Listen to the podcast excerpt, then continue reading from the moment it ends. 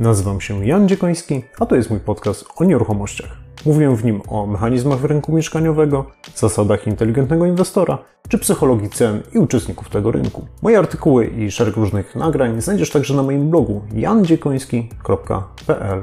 Jeżeli jesteś profesjonalistą i żyjesz z rynku nieruchomości, to zapraszam Ciebie także na mój serwis analityczny fltr.pl, gdzie razem z zespołem dzielimy się analizami i doradztwem dla uczestników naszego rynku.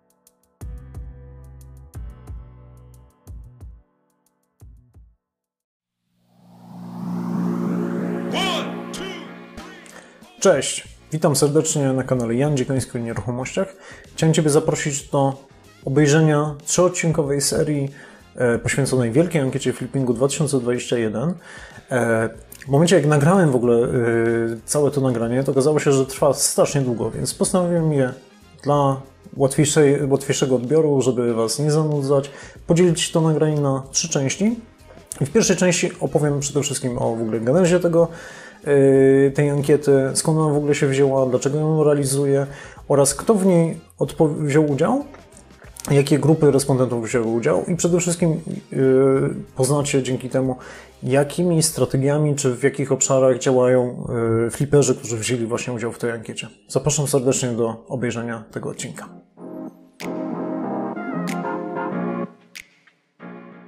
Cześć! Dzisiaj inny temat niż zwykle flipping. Temat, który Myślę, że wielu z Was może emocjonować. Dla części jest to zło w najgorszej postaci i przyczyna wzrostu cen. Dla innych osób jest to, ja, to nazywam, e, taki gatunek mrówek, które e, najgorsze mieszkania z rynku mogą zbierać, remontować i oddawać jakby też dla, dla osób, które niekoniecznie chcą się parać jakby taką działalnością i po prostu chcą kupić coś, co jest gotowe, a dla jakiejś części osób jest to po prostu sposób na prowadzenie biznesu.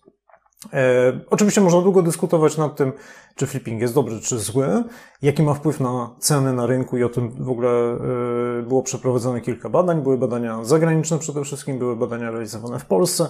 Na pewno jakiś efekt e, z cenami rynkowymi związany jest. Jest na pewno też efekt taki, że część flipperów, moim zdaniem większa, ale niekoniecznie, e, wszyscy się z tym zgodzą, która po prostu poświęcając jakiś czas, jakieś umiejętności, Zajmuje się mieszkaniami, które są potencjalnie najtrudniejsze dla konsumentów pod kątem remontu, pod kątem wyprostowania jakichś e, aspektów prawnych e, i jest tym pewna wartość dodana. Natomiast nie chcąc dyskutować na temat wartościowania, czy to jest dobre, dobre czy złe zjawisko, czy sposób na prowadzenie działalności biznesowej, chciałbym się z Wami podzielić wynikami ankiety, którą przez ponad rok temu wykonałem i niestety przez e, tak długi czas, za co Was serdecznie przepraszam, nie udało mi się usiąść i porządnie jej przeanalizować do dzisiaj. I właśnie chciałem się podzielić wynikami tej ankiety, które moim zdaniem są bardzo ciekawe, e, zarówno z perspektyw e, osoby, która jest zainteresowana flipowaniem albo w ogóle flipuje, E, jakie wyniki inni na przykład osiągają, albo jakie strategie wykorzystują, ale też może być interesująca z perspektywy osób, które raczej są przeciwnikami jakby flippingu i jakby traktują to z góry jako po prostu coś złego. Myślę, że to jest bardzo ciekawe i mocno się wpisuje w moją działalność, jaką jest po prostu edukowanie rynku nieruchomości, tłumaczenie pewnych zjawisk i mechanizmów, po to, żeby po prostu ten rynek był jasny, przejrzysty, i zrozumiały dla wszystkich i żeby nie było oparty przede wszystkim o mity, które moim zdaniem e, w wielu miejscach e, kształtują jakby ten rynek. I właśnie o tym była e, wielka ankieta flippingu, którą przeprowadziłem między lutym a czerwcem 2021 roku. Więc to był trochę inny okres rynkowy i dlatego też może i ciekawe nawet będzie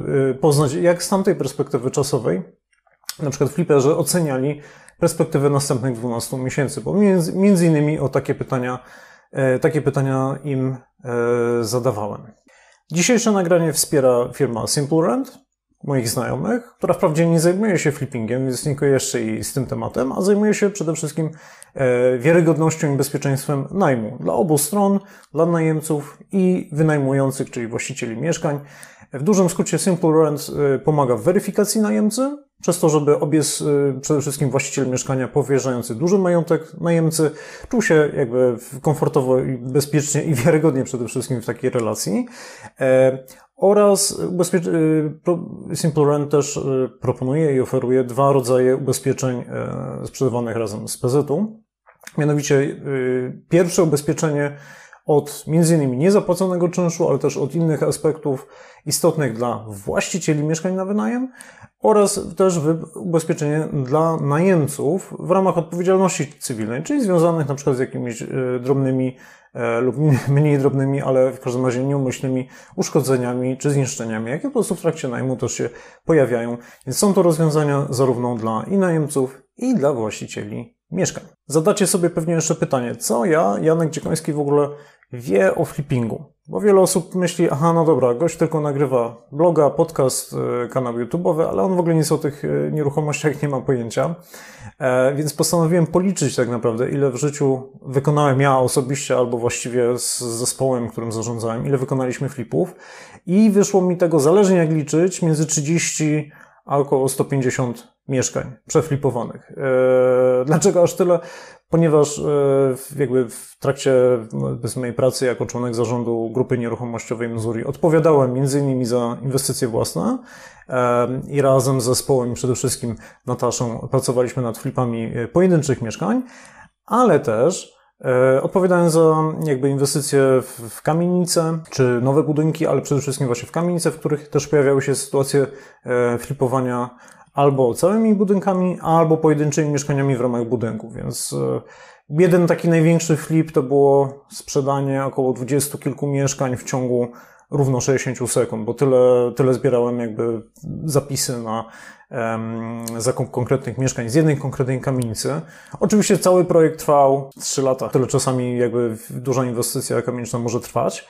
Natomiast no, to jeszcze to, tak e, ad vocem, jeżeli ktoś się zastanawia, czy ja w ogóle mam jakieś doświadczenia na temat flippingu, może nie prowadzę szkoleń, może nie piszę książek na ten temat, ale pewne doświadczenie mam, uwierzcie mi. Ok, słuchajcie, kto w ogóle odpowiedział, ile osób w ogóle odpowiedziało na tą ankietę? Uzyskałem 97 e, odpowiedzi, 97 wypełnionych ankiet, które naprawdę były długie, bo one liczyły około 20 minut jakby zajmowało ich wypełnienie, tam było kilkadziesiąt pytań, więc to była naprawdę potężna ankieta. E, I zanim w ogóle wejdę jakby w opowiadanie, ile osób jakby tam flipowało i czy ile osób było zdecydowanie przeciwnikami tego flippingu, e, chciałbym najpierw powiedzieć w ogóle, czy 100 e, ankiet w takim razie, czy to nie jest jakby sama mała liczba, bo pewnie Większość z Was spotykała się z takimi mm, e, ankietami z reguły e, przede wszystkim, na kogo planujecie e, głosować na nadchodzących wyborach i tam z reguły się pojawia liczba tysiąca lub więcej respondentów. No i powiem Wam tak, z perspektywy absolwenta statystyki powiem tak, że wolałbym szczerze osobiście mieć 500 odpowiedzi, a może 1000 odpowiedzi, może 5000 odpowiedzi, i to na pewno uzyskamy w kolejnych edycjach tej ankiety. Natomiast z perspektywy wiarygodności statystycznej, czy e, wniosków, czy hipotez, jakie możemy postawić na bazie właśnie takiej ankiety, to 100 odpowiedzi, albo nawet po 30 odpowiedzi w ramach poszczególnych grup respondentów, czyli na przykład aktywnych fliperów, e, przeciwników i tak dalej, to już są wystarczające liczby, żeby z, za, z założonym pewnym jakimś prawdopodobieństwem błędu, żeby móc wyciągać pewne wnioski. Więc 100 ankiet nie oznacza, że to jest ta ankieta e, nie niesie żadnej wiedzy. Moim zdaniem niesie bardzo fajną, co zresztą zobaczycie. Natomiast e, na pewno nie można byłoby jednoznacznie na jej bazie już wysnuwać jednoznacznych wniosków, że dokładnie działa to tak, tak a nie inaczej, albo takie są przeciętne zyski z flippingu, albo e, taka metoda jest najlepsza. To jest za mała próba do tego. Natomiast ewidentnie y, już y, wiele wniosków, które zobaczycie za chwileczkę, można z niej wyciągnąć i myślę, że warto dlatego obejrzeć do końca ten odcinek, kto wziął udział w tej ankiecie. Poza jedną osobą, która być może żartobliwie wybrała odpowiedź, nie wie co to w ogóle jest flipping, to 96 odpowiedzi było y, w pełni racjonalnych. Około 30 osób odpowiedziało, że jest aktywnym lub była aktywnym e, fliperem w ciągu ostatnich 12 e, lub więcej miesięcy.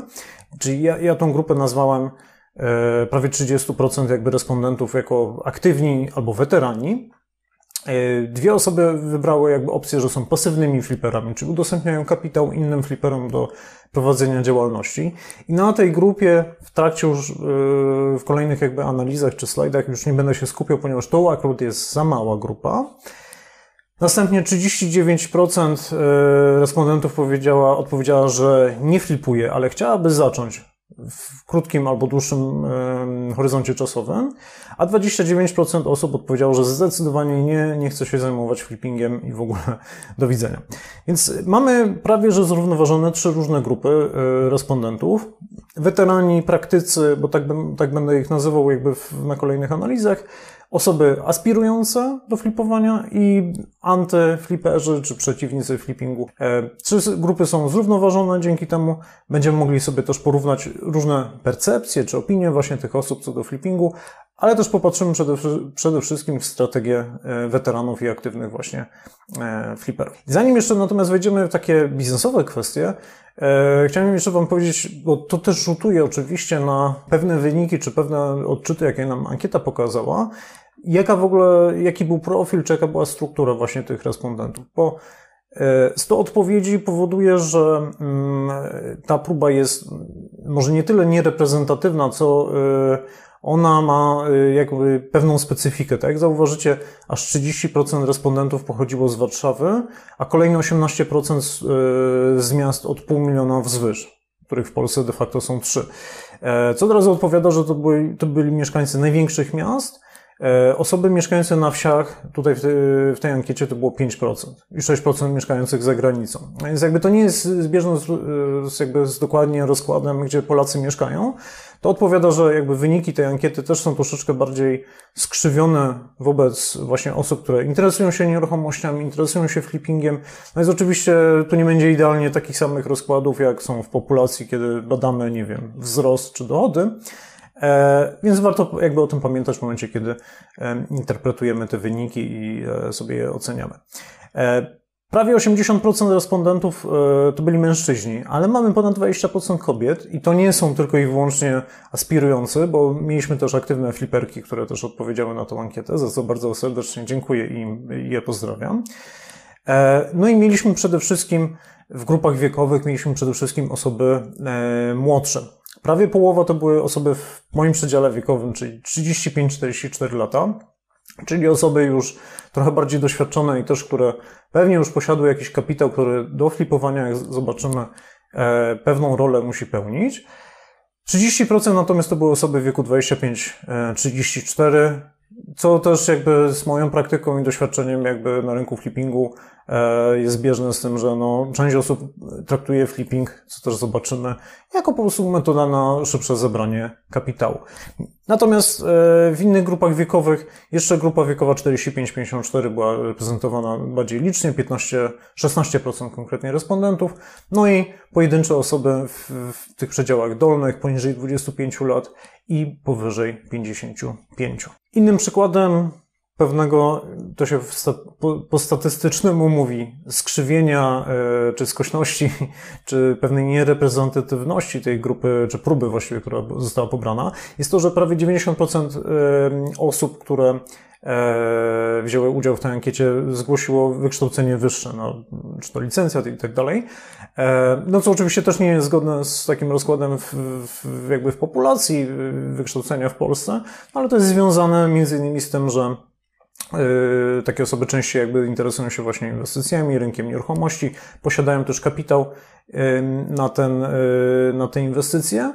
Natomiast od razu odpowiadam, wyższe wykształcenie wcale nie jest potrzebne do tego, żeby skutecznie prowadzić flipping yy, i prowadzić po prostu taki biznes, co zresztą później też zobaczycie.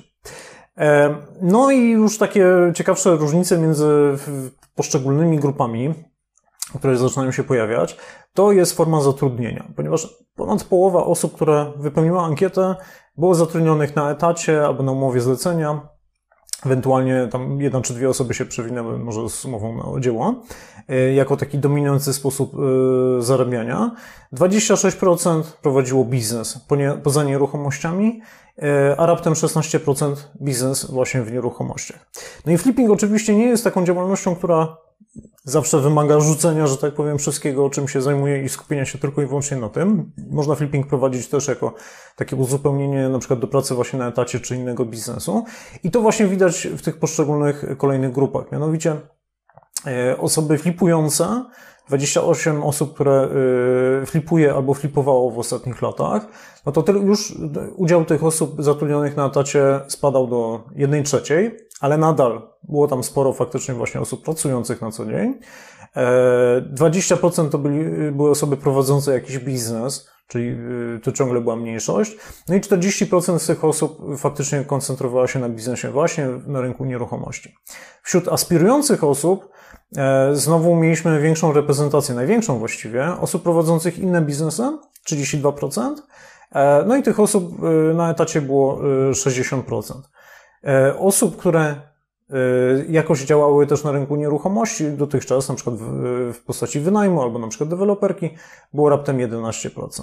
No i wśród antyfliperów, no, nie trudno jakby tutaj być zaskoczonym, że osób pracujących na etacie i to coś mówi właśnie o tym, kto jest przede wszystkim antyn, bo to jest związane nie tylko z tym, jak pracujemy, ale to też ma z tym związek, ale więcej mówi tak naprawdę o ich psychologii. No to było 70%, osób prowadzących jakiekolwiek inne biznesy niż nieruchomości było 25%, raptem 4 prowadzące jakiś biznes nieruchomościowy.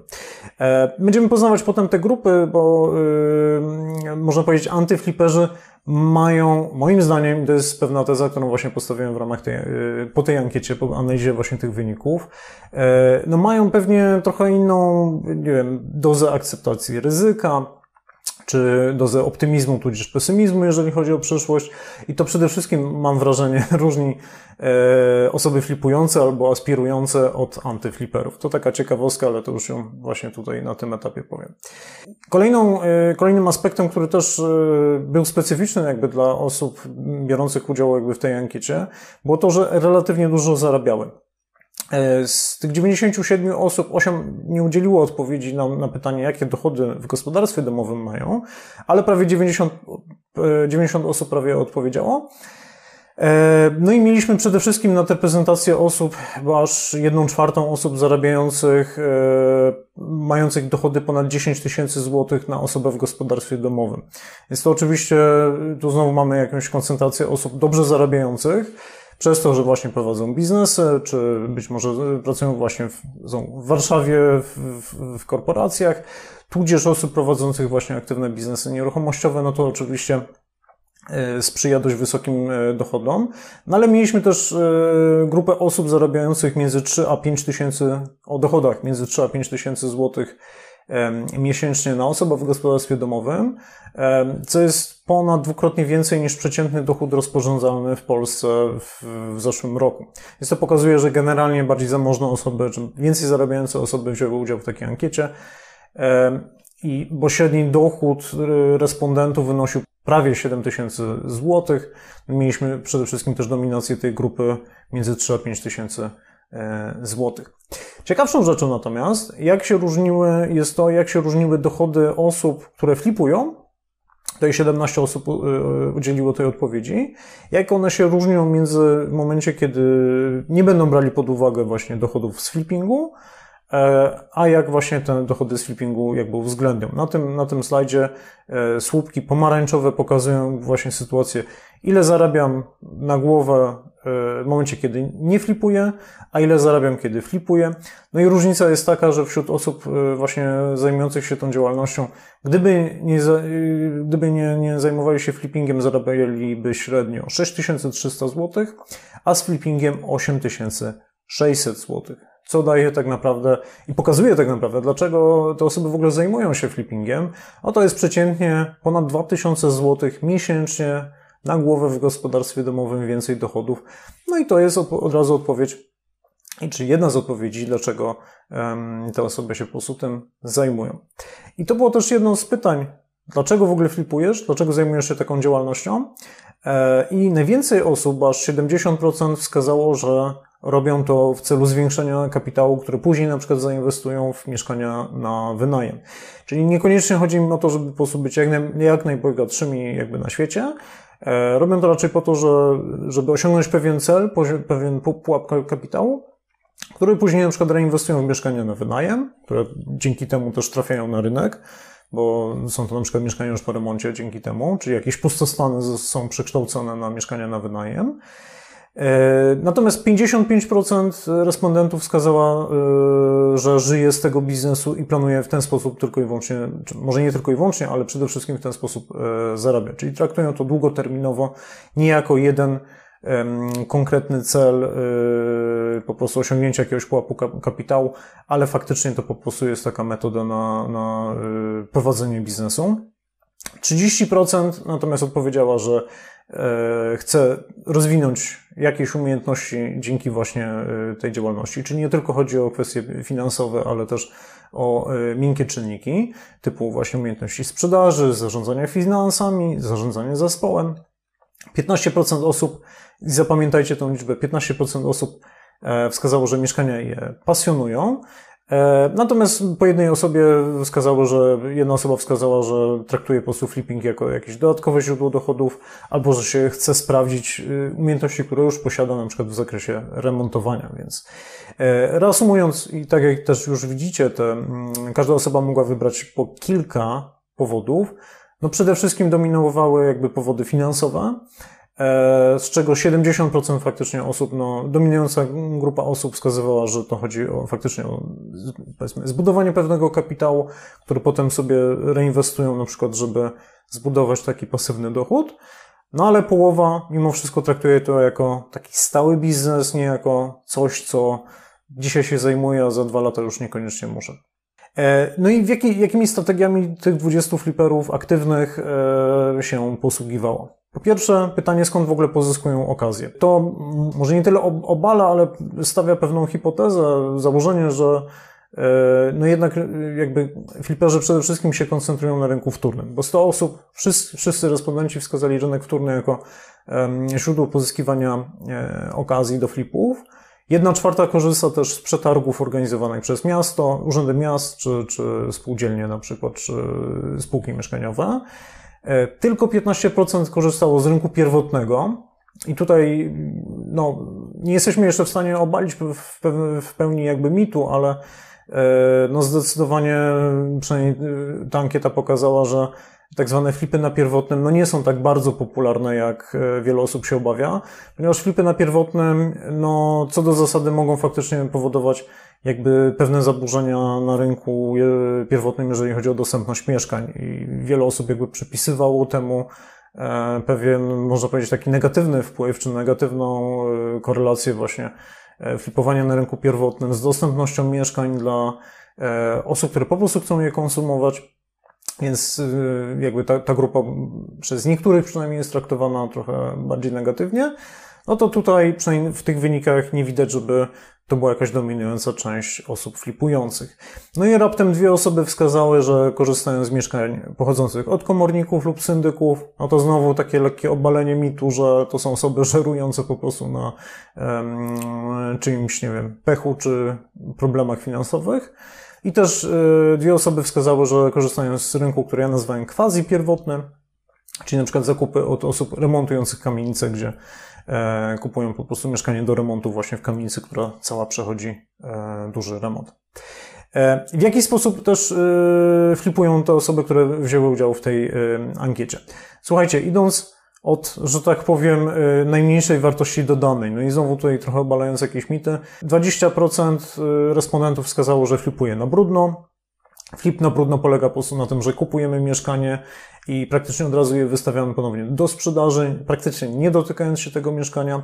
Ewentualnie jedyne co robiąc to po prostu jest jakiś tam problem prawny. No i tutaj yy, znowu to troszeczkę obala mit, że fliperzy przede wszystkim koncentrują się na yy, nie wiem, wyzyskiwaniu jakichś tam różnic cenowych czy, czy okazji cenowych pochodzących z rynku, bo aż 65% wskazało, że yy, przygotowuje flipy na tak zwane na czysto plus, które zdefiniowałem w ten sposób, że to jest mieszkanie po remoncie, wykończone i wyposażone, wręcz nawet z homestagingiem, czyli można się do niego od razu po prostu wprowadzić. Czyli y, dwie trzecie fliperów, przynajmniej respondentów wybrała, pokazała, że jakby flipuje na czysto plus. Na czysto, czyli bez wyposażenia, bez homestagingu, ale po remoncie, po wykończeniu mieszkania 45%.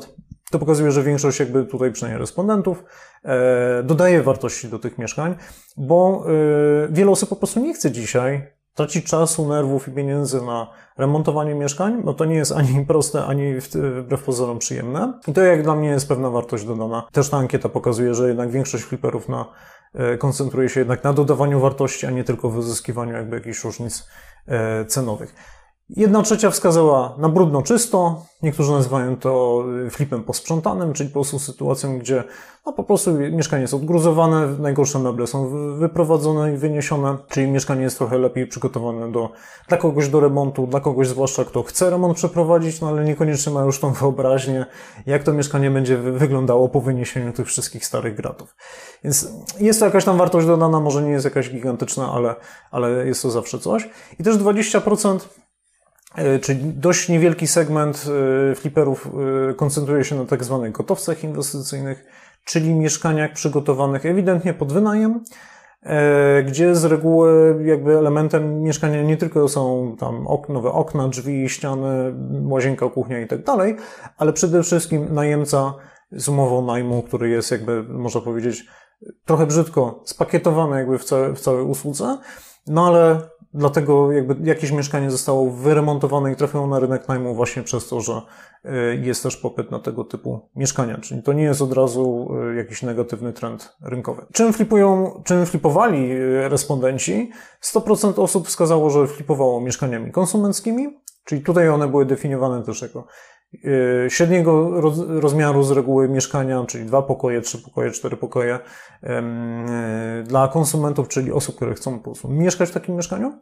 E, dwie trzecie flipowało mieszkaniami inwestycyjnymi, czyli częściej były to właśnie mikrokawalerki, kawalerki albo duże mieszkania na pokoje, czyli z przeznaczeniem właśnie dla inwestorów na wynajem.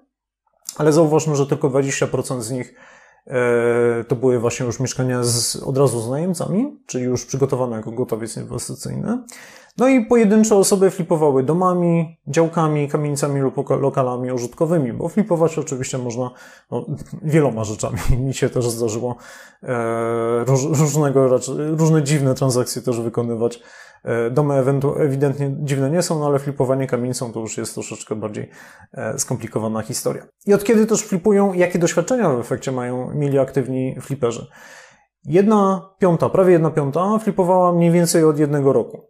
I przypomnijmy, ankieta była realizowana do połowy zeszłego roku, do połowy 2021 roku, więc te osoby de facto zaczęły w 2020 roku przygodę z flippingiem. 25%, 1 czwarta zaczęła w perspektywie 2-3 lat, czyli w latach 2018-2019, a 10 w latach 2016-2017. Czyli mniej więcej 2 trzecie osób zaczęły flipować mniej więcej w tym okresie, kiedy flipping w ogóle zaczął się robić popularny, bo ta popularność zaczęła się mniej więcej właśnie w 2016-2017 roku wraz z popularyzacją właśnie różnych kanałów YouTube'owych poświęconych flippingowi, e, szkoleń, i też badania jakby takie bardziej naukowe, yy, które w artykule, który wspiera jakby też to nagranie, też było wymienione jedno takie badanie. Ono wykazało, że faktycznie 16-17 rok to jest taki dość dynamiczny wzrost flippingu. Takich powiedzmy naprawdę weteranów flipowania, no to było około 20% wśród respondentów. No i znowu z doświadczenia i z tego, co się słyszy na rynku, no to, trochę potwierdza, że mm, no ten flipping mimo wszystko się popularyzował w ostatnich latach, zwłaszcza od 20 roku, w momencie, kiedy mm, alternatywne jakieś y, sposoby, powiedzmy, inwestowania czy y, zyskiwania jakichś dochodów, e, no jeszcze się pogorszyły wraz ze spadkiem stóp procentowych, wtedy jeszcze czynsze też pospadały najmu, więc jeżeli ktoś chciał coś robić w nieruchomościach, a to ewidentnie flipping czy deweloperka, no to były takie biznesy, gdzie naprawdę coś można było zarabiać.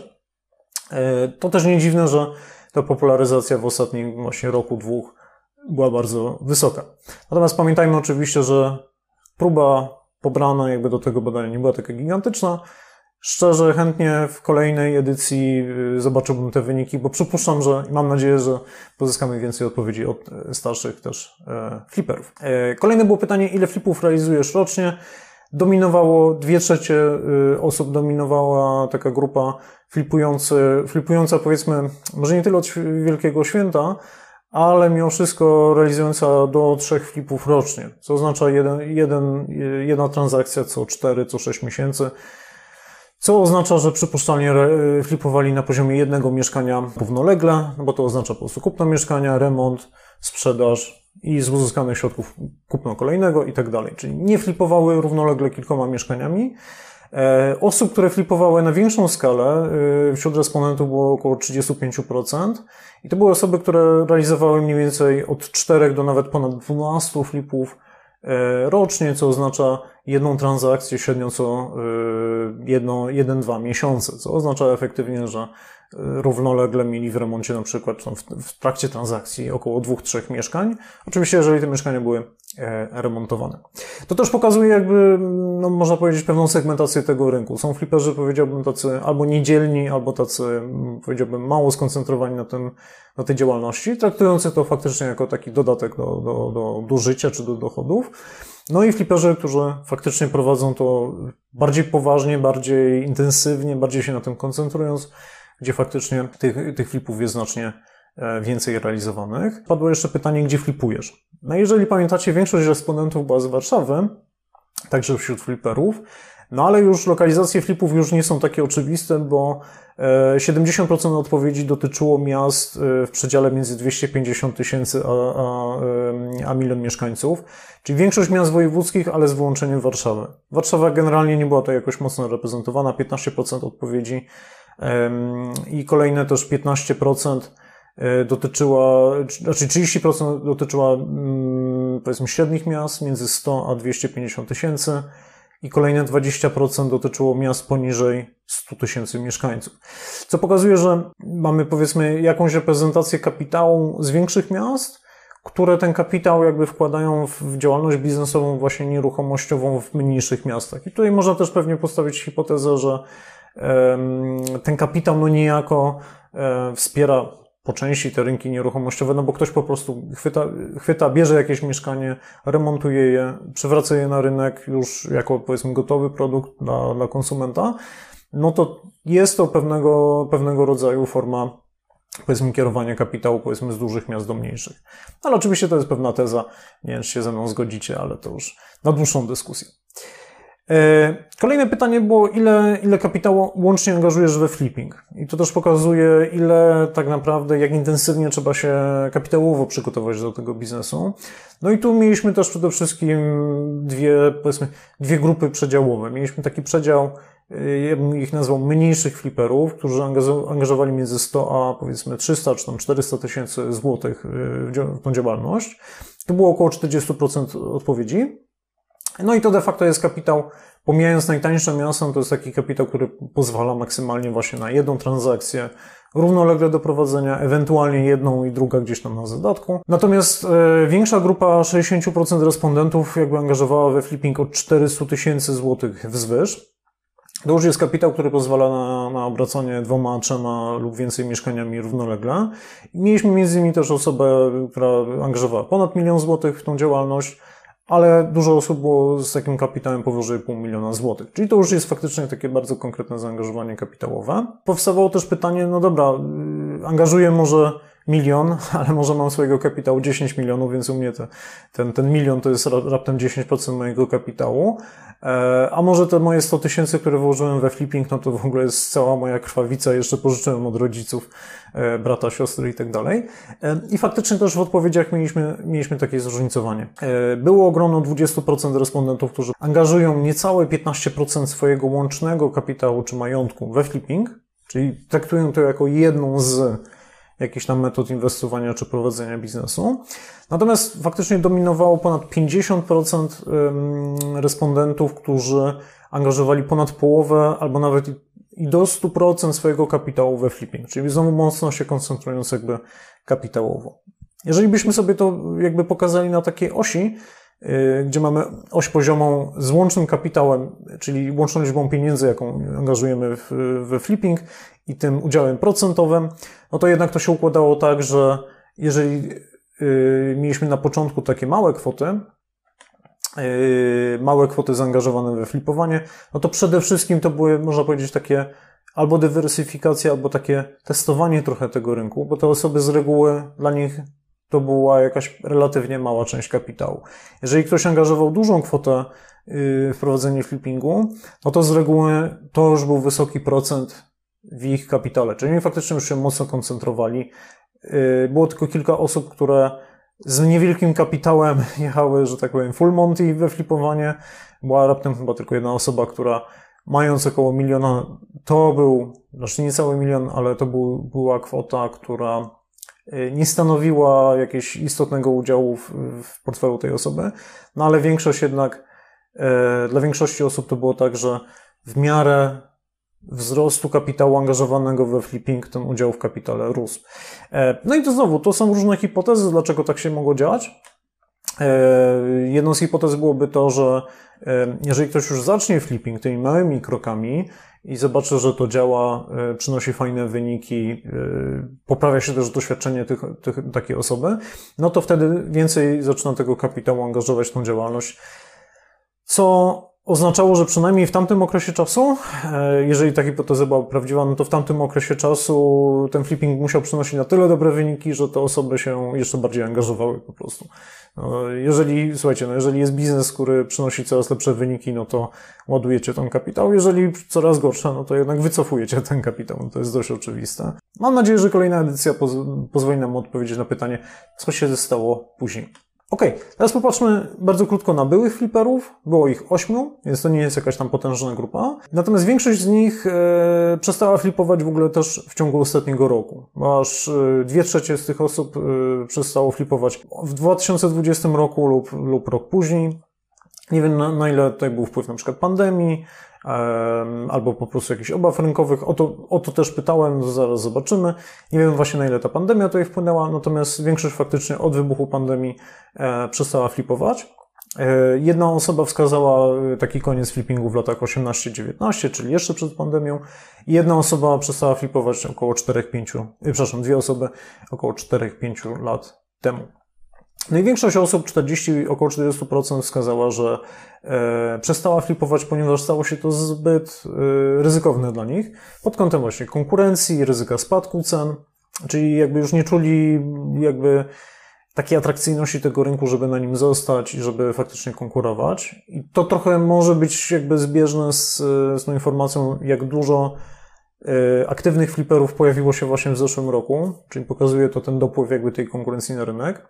Natomiast jedna czwarta e, osób wskazała, że po prostu ta działalność była dla nich zbyt pracochłonna, miała za mało czasu na prowadzenie tej działalności, albo że wyniki finansowe tych osób nie były satysfakcjonujące. No i tam był szereg oczywiście innych odpowiedzi. I tu od razu zadamy sobie pytanie, na które chyba też mam właśnie od razu odpowiedź, ale ona będzie później.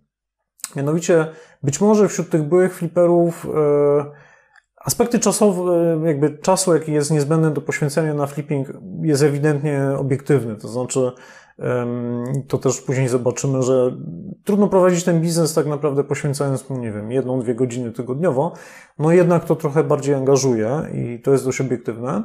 Natomiast kwestia wyników finansowych, to zobaczymy na kolejnych slajdach, no ona już się różnicowała i ona zależała od różnych czy to skąd jakby pozyskiwane były okazje, czy też na ile powiedzmy aktywnie, jak dużo czasu właśnie było poświęcone na tą działalność, więc to już jest trochę bardziej subiektywne i to już pewnie nie tyle miało związek jakby z samym biznesem jako takim, ale też miało związek przede wszystkim w jaki sposób te osoby e, ten biznes prowadziły. Co myślę też jest ciekawe dla osób, które jednak chcą zacząć flipować, albo dzisiaj już flipują i zastanawiają się w jaki sposób może poprawić swoje wyniki. Aspirujący fliperzy, 38 osób, zadałem im pytanie, kiedy chcą zacząć e, flipować i aż 1 czwarta, e, przepraszam, 40% tych osób chciała zacząć w ciągu jednego roku jakby od tej ankiety, czyli start właśnie albo w zeszłym roku, albo w tym roku. Czyli jak najszybciej, czyli znowu była dość mocno zapalona, co znowu pokazuje, jak dużo jakby osób trafiało i trafia nadal na, pewnie na ten rynek. Kolejne 40% niecałe chciało zacząć w ciągu najbliższych 2-3 lat, czyli znowu też e, relatywnie krótko z perspektywy tej ankiety. 20% respondentów natomiast warunkowało jakby, jakby rozpoczęcie flippingu od, od e, innych czynników, które e, też wskazały. No i jakie, jakie czynniki jakby przede wszystkim zachęcały te osoby, żeby zacząć flipować? No i tutaj jakby trochę bez, bez dużej różnicy względem jakby aktywnych fliperów, 80% osób myśli o tym e, jako o sposobie jakby zwiększenia znowu kapitału, po to, żeby mieć jakby większy majątek, który potem albo gdzieś zainwestują sobie, nie wiem, na rynki akcyjne, mieszkania na wynajem, może własny dom, czy cokolwiek innego.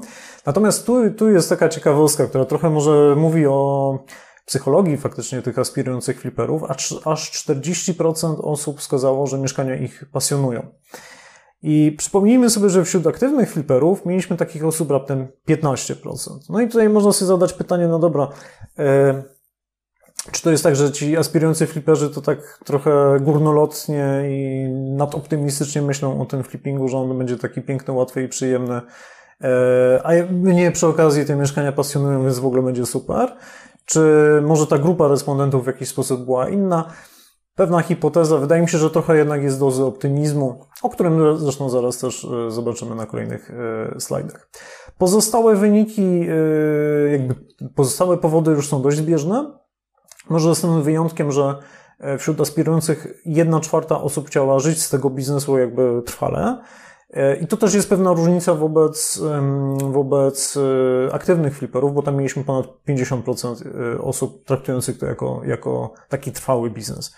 I to też trochę pokazuje, że ten, ta grupa tych aspirujących fliperów, czy tych osób, które trafiają, czy zasilają ten rynek flippingowy, E, no tu mamy pewnie trochę więcej pasji, trochę mniej takiego przekonania długoterminowego biznesu, co oznacza, że bardziej jak chorągiewka na wietrze może wejdą, a może nie wejdą, a może mi się znudzi, bo jednak to już nie będzie takie pasjonujące. Nie mają takiego przekonania, więc e, na pewno jakby, mm, jakby to powiedzieć z takiej perspektywy biznesowej, e, to nie są tacy hardkorowi fliperzy, którzy, tam biznesmeni, którzy ewidentnie chcą tam wejść w ten sektor. No, tylko raczej to jest takie, może tak, może nie. No i teraz, co, co, co te osoby przede wszystkim blokuje start, start jakby tej działalności? 40% osób wskazało kapitał. Dopiero jak zbiorę kapitał, dopiero wtedy zacznę flipować. E, dla praktyków, którzy się zajmują flippingiem, e, co też będzie widać później, e, kapitał już nie jest taką krytyczną jakby barierą, bo tak naprawdę kapitał można pożyczyć. Dzisiaj może jest droższy, ale nadal jest ten kapitał jakoś nam dostępny. Można pożyczyć go z banku, można pożyczyć od znajomych. Można ewentualnie tak poskładać transakcje, żeby swojego kapitału nie wykorzystywać. Można pożyczyć coś w pożyczkach prywatnych. Więc tych opcji trochę jest, więc e, szczerze to taka, no jest to ważny aspekt, ale no trochę nie jest moim zdaniem taki krytyczny w praktyce, jeżeli chce się zacząć tę, tą działalność. To, co jest bardziej krytyczne, to jest czas. No bo czasu niestety więcej się pożyczyć nie da. No i tutaj jedna czwarta osób właśnie e, wskazała czas jako taką barierę przed rozpoczęciem flippingu i to jest bariera obiektywna e, właśnie w opinii przede wszystkim właśnie aktywnych fliperów. Czas to jest gigantyczny problem jakby w, tym biznesie. I kolejne 20% osób wskazywało e, wiedzę, dopiero po odbyciu szkoleń, no ale to już, że tak powiem, relatywnie prosta rzecz do wykonania i niecałe 20% wskazywało rynek, czyli czekają na jakąś zmianę, kryzys na rynku, żeby zacząć e, flipowanie, co no, mi się osobiście przynajmniej wydaje się niekoniecznie sensowne, bo flipping jest bardzo krótkoterminową działalnością. No i oczywiście na rynku, który, nie wiem, ma trudności w sprzedaży czy w obrocie, trudniej, zwłaszcza co dzisiaj widać, jest mniej transakcji zawieranych, bo nie ma klientów kredytowych, albo jest ich bardzo mało, no to oczywiście taki biznes się trudniej prowadzi, z jednej strony, no ale z drugiej strony jest znacznie więcej jakby mieszkań do, do wyrwania po stronie zakupu. No i flipy no to jest działalność, którą no nie trzymamy tego mieszkania, przynajmniej nie chcemy trzymać tego mieszkania zbyt długo jakby na, na, na książce, tylko jak najszybciej chcemy nim obracać. Więc to, czy rynek ewentualnie spada, czy jest w jakimś tam okresie marazmu czy problemów, no to jeżeli robimy relatywnie małą skalę flipów, to nie jest żaden problem. Więc czekanie na ten rynek to trochę, trochę nie, można się nie doczekać po prostu. I to pewnie jest związane z odwagą, bo też 18% osób wskazało, że e, dopiero jak się zbiorą w sobie, dopiero wtedy zaczną e, flipować. No to szczerze to trochę chyba mm, trzeba się faktycznie mocno zebrać w sobie i jak z każdym biznesem, no ta odwaga jest zawsze tą, tą jakąś tam barierą, ale wydaje mi się, że póki się nie spróbuje, to się człowiek nie przekona, jak, jak to tak naprawdę jest. No i wreszcie antyfliperzy. Dlaczego antyfliperzy w ogóle nie lubią, y, nie chcą y, zajmować się flippingiem? Co jest tą taką barierą wśród tych osób, które odrzuca flipping? E, no i tak, połowa bardzo moim zdaniem obiektywnie i zasadniczo jakby wskazała, że czas to jest kluczowy problem i znowu połowa z tych osób po prostu nie ma czasu, pewnie jest zajęta bardziej właśnie tym etatem, który był wskazany tak w odpowiedziach. Jedna trzecia się boi, jedna trzecia nie odczuwa takiej potrzeby, żeby się tym zajmować. E, jedna czwarta znowu wskazywała właśnie brak e, kapitału czy brak wiedzy, czy też powiedzmy to, że rynek dzisiaj nie jest jakby odpowiedni do prowadzenia takiej działalności. No o tym już mówiliśmy. Natomiast około 20% wskazywała, że zna mniej ryzykowne, mniej angażujące czasowo, albo może bardziej rentowne sposoby inwestowania. Więc e, przede wszystkim bym powiedział, e, niekoniecznie dominują takie aspekty mm, braku obiektywnych rzeczy, typu kapitału, wiedzy i tak dalej, albo z świadomości powiedzmy jakichś dobrych alternatyw, ale jednak czas. Znowu, czas, zaangażowanie jakieś etatowe i odwaga to, to były takie kluczowe bariery, więc e, nawet ci tacy anty, antyfliperzy, to pewnie pracując nad nim można byłoby, y, mogli, czy pracując nad sobą de facto z ich perspektywy, mogliby faktycznie też popatrzeć na ten rynek. Dwie natomiast faktycznie odpowiedzi miałem y, takie ewidentnie negatywne, wskazujące, że po prostu flipping jest mm, czymś po prostu moralnie złym, zepsutym i w ogóle yy, najgorszym, co wydaje mi się, że trochę chyba jest przesadzoną yy, tutaj opinią, szczególnie widząc, że w praktyce fliperzy przede wszystkim zajmują się remontowaniem mieszkań e, konsumenckich, zwykłych, co było widać też w tych poprzednich jakby wynikach z rynku wtórnego, a nie na przykład od komorników. Więc wydaje mi się, że te oceny mogą być delikatnie trochę przesadzone. No tak, żeby zachować jakąś tam e, równowagę dla, dla, dla wszystkich stron. E, no i okej. Okay. Ostatnie pytanie, zanim, po, y, zanim popatrzymy w wyniki finansowe, które myślę, że Was wszystkich najbardziej interesują, to pytanie, w jaki sposób w ogóle y, dana osoba zaczęła flipować, albo jak planuje rozpocząć flipowanie.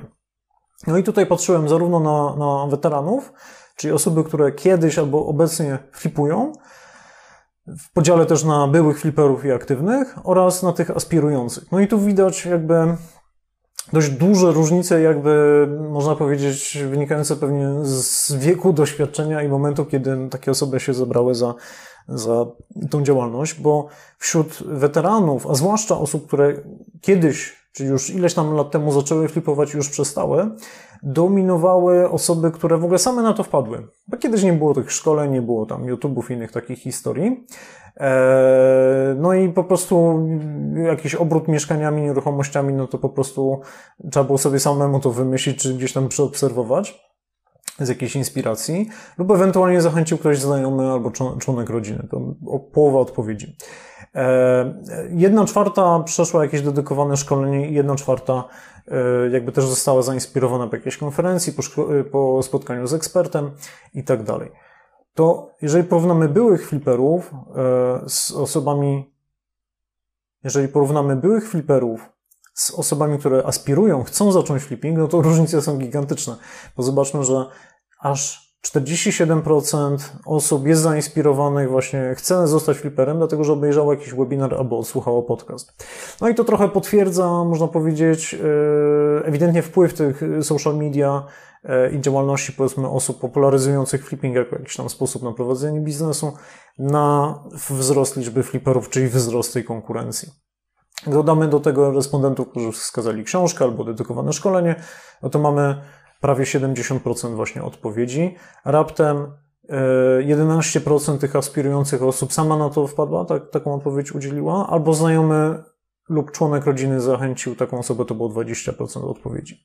No i gdzieś pomiędzy są ci aktywni fliperzy, gdzie faktycznie osób takich po webinarze czy podcaście było 1 czwarta, a 30% przeszło jakieś tam dedykowane szkolenie, ale też 1 trzecia z tych osób po prostu sama wpadła na taki biznes. No to, to trochę pokazuje faktycznie, w jaki sposób, potwierdza to może trochę, może inaczej, potwierdza to taką tezę, że no jednak te szkolenia, jednak te webinary, kanały YouTube'owe i tak dalej, no jednak one ten, ten flipping tutaj e, dość mocno stymulują.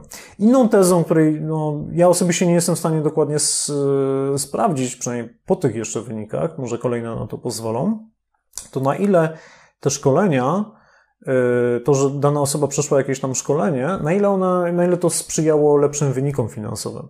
E, no i tego niestety jeszcze nie, sprawi- jakby nie sprawdziłem przy tak małej grupie, ale w kolejnej edycji, edycji mam e, zamiar między innymi temu się właśnie przyjrzeć. Trzy prośby do Ciebie. Jeżeli po pierwsze Ci się podobało, łapka w górę, zasubskrybuj mój kanał, możesz napisać też komentarz, chętnie na niego odpiszę. Jeżeli chcesz, to możesz mnie wesprzeć na moim kanale Patronite oraz YouTube poprzez taką dobrowolne wsparcie po prostu mojej działalności, poprzez to, że na przykład poświęcam czas właśnie na przygotowanie takiej ankiety i podzielenie się e, wynikami, no bo to było jednak trochę pracy. Jeżeli chcesz też więcej jakby wiedzy pozyskać na temat rynku nieruchomości, źródeł danych, z których korzystam, to zapraszam Ciebie też do zapisania się na e, mój newsletter e, na stronie www.jandziekoński.pl ukośnik newsletter, gdzie jakby w podzięce za zapisanie się otrzymasz też link do, e, otrzymasz materiał, w którym dzielę się po prostu ciekawymi źródłami y, danych, wiedzy i raportów właśnie o rynku nieruchomości. I po trzecie, zapraszam Ciebie też do śledzenia mojej twórczości na kanałach social media, począwszy od LinkedIna, Facebooka, Twittera, Instagrama, wszystkie różne kanały social media wykorzystuję do dzielenia się z Wami też innymi spostrzeżeniami i wiadomościami z rynku nieruchomości, więc zapraszam Ciebie do e, bacznego, że tak powiem, e, śledzenia, bo też będę tam informował o kolejnej edycji tej ankiety. Więc na koniec dziękuję serdecznie Tobie za obejrzenie tego nagrania i zapraszam serdecznie na mój blog oraz na kanał social media. Do usłyszenia. Cześć.